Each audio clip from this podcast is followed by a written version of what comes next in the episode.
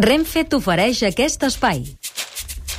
Arriba amb una mica de retard a l'actuàlia, fruit de, del trànsit intens que tenim en aquest programa. Trànsit d'idees, trànsit de paraules... Convidats. Trànsit, sí senyor. Però no ens podem oblidar dels llibres i tenim un llegit, un rellegit i un fullejat. Amb què comencem? Comencem amb una veu molt, molt, molt suau, com veuràs, i molt colpidora per il·lustrar el llegit. De matinada han trucat, són el replà de l'escala, la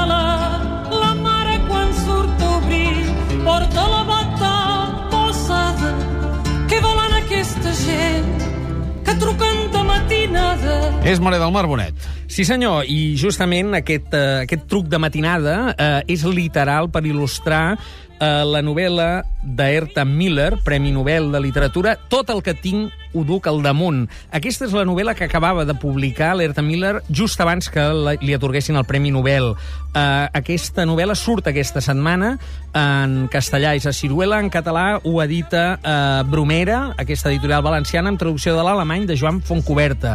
Jo he volgut, uh, perquè ja havíem comentat algun dels primers llibres de la Miller, veure aquest. Aquest és un llibre colpidor, és un llibre sensacional, una gran novel·la. Quatre Eh, Ls. Sí, senyor. Parla, justament, comença que el, bus, el venen a buscar de matinada, són les forces estalinistes les que s'enduen un jove un jove que eh, tenia un comportament gay, un comportament homosexual, però no el busquen només per això, se l'enduen de Romania, de la minoria alemanya, a la qual pertany Herta Miller, i se l'enduen al Gulag, al Lager, no?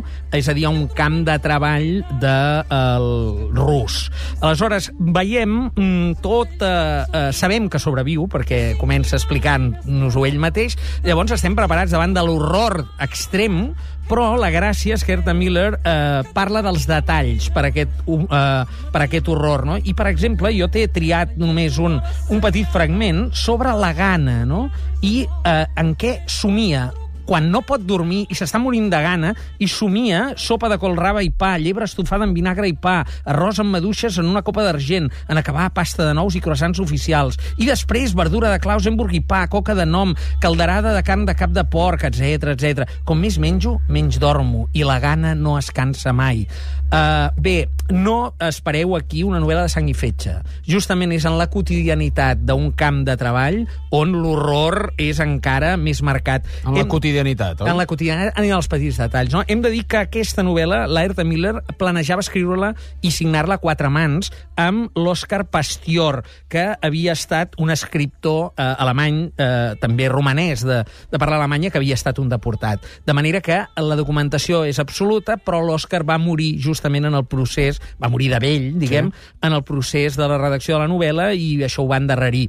Eh, jo penso que és una molt bona manera d'entrar, per qui no conegui, en la obra d'aquesta novel·la alemanya. És una novel·la colpidora, però que- d'aquestes que et deixa amb un regust a la boca de dir he travessat alguns límits. Tot el que tinc ho duc al damunt. Mots clau.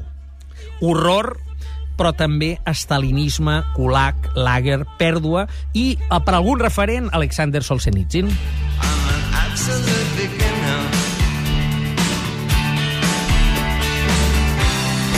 Ens canta David Bowie, Absolute Beginners, per parlar dels principiants de Raymond Carver. Sí, senyor, canviem molt de terç. Eh, ens trobem amb Però un no de llibre... qualificació, quatre En- Ls. No, no, un gran llibre. Però fixa't que hi ha, aquí hi ha un detall molt curiós.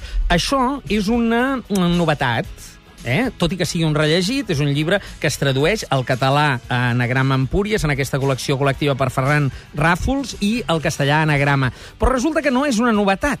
Resulta que aquest és un llibre que l'any 1981 ja va sortir, publicat, és un llibre de relats de Carver, amb el títol de De què parlem quan parlem de l'amor, en la traducció catalana. No? Aquest és el nom del de, penúltim dels relats, no? sensacional. Llavors, què passava aquí? Doncs eh, bé, va marcar tot un estil, probablement el més conegut de Carver és Catedral, després, un llibre, i mm, es va fins i tot encunyar el terme carverià per dir, aquest escriu d'una manera que, també parlant dels detalls, però d'una manera molt punyent, molt tallant, en frase molt curta, parla d'amor i de relacions entre la gent. La majoria dels contes passen a les cuines, de les festes de la gent que ja està borratxa de prendre gin tònics, diguem, que llavors surt tot i parlem de l'amor i, i, i hi ha aquelles mirades, allò que no t'estan dient res i surt tot, com en els grans autors. Bé, doncs resulta que el que coneixíem el món aquest carberià era allò que havia fet el seu editor, concretament Gordon Lish. És a dir, el seu seu editor i pare espiritual li retallava totalment els contes perquè considerava que el seu estil era massa florit, no? I llavors, per exemple, el conte que aquí es diu Principiants i que ja se'n deia i que acaba donant el títol és el doble de llarg del que jo m'havia llegit quan es deia de què parlem quan parlem de l'amor. És I millora, eh, sense retallades? Clar, és, aquest és el gran debat. O sigui, aquí hi ha hagut, eh, diguem, una lluita de la, la Tess Gallagher, en fi, la, la persona a qui li va dedicar el llibre en el seu moment, que porta anys i panys reivindicant l'escriptura tal com la feia el propi Carver, no? Jo, ara que m'he llegit aquest, jo crec que és més bo aquest, no? Però fixa't que tota la gent que era carveriana, eh, arribem a la paradoxa de dir Carver no era carverià, eh? Perquè hi ha Ens moltes... l'han mutilat. Totalment. De fet, és literal. Aquí el que hi ha no és només més adjectivació, no és només una qüestió estilística que podríem parlar, és que es carrega gran quantitat de eh, digressions o històries paral·leles. És a dir, el conte aquest que ara es diu Princi Principiants té una història eh, eh, secundària sensacional que no hi sortia en el conte que jo em vaig llegir en el seu moment, no? Per tant, eh, està bé... És, és una versió del director, diguéssim. Sí, sí, senyor. Sí, senyor. Saps allò? Sense les imatges, i vull dir, el muntatge, eh, Sí. per parlar en termes cinematogràfics, havia quedat eh, d'un metratge de només 70 minuts, i ara aquí tenim la versió de la pel·li sencera de do, dues hores, no? Eh, bé, Carver Extended continua, version. continua... Extended version. Continua sent Carver, continua sent molt recomanable llegir-lo. Històries d'homes i dones, històries d'amor, principiants, en aquest cas, Raymond Carver Mots clau. mm, amb mots claus que seria dia laborable, corrent, és a dir, la quotidianitat, desamor, quotidianitat i algun referent, John Cheever.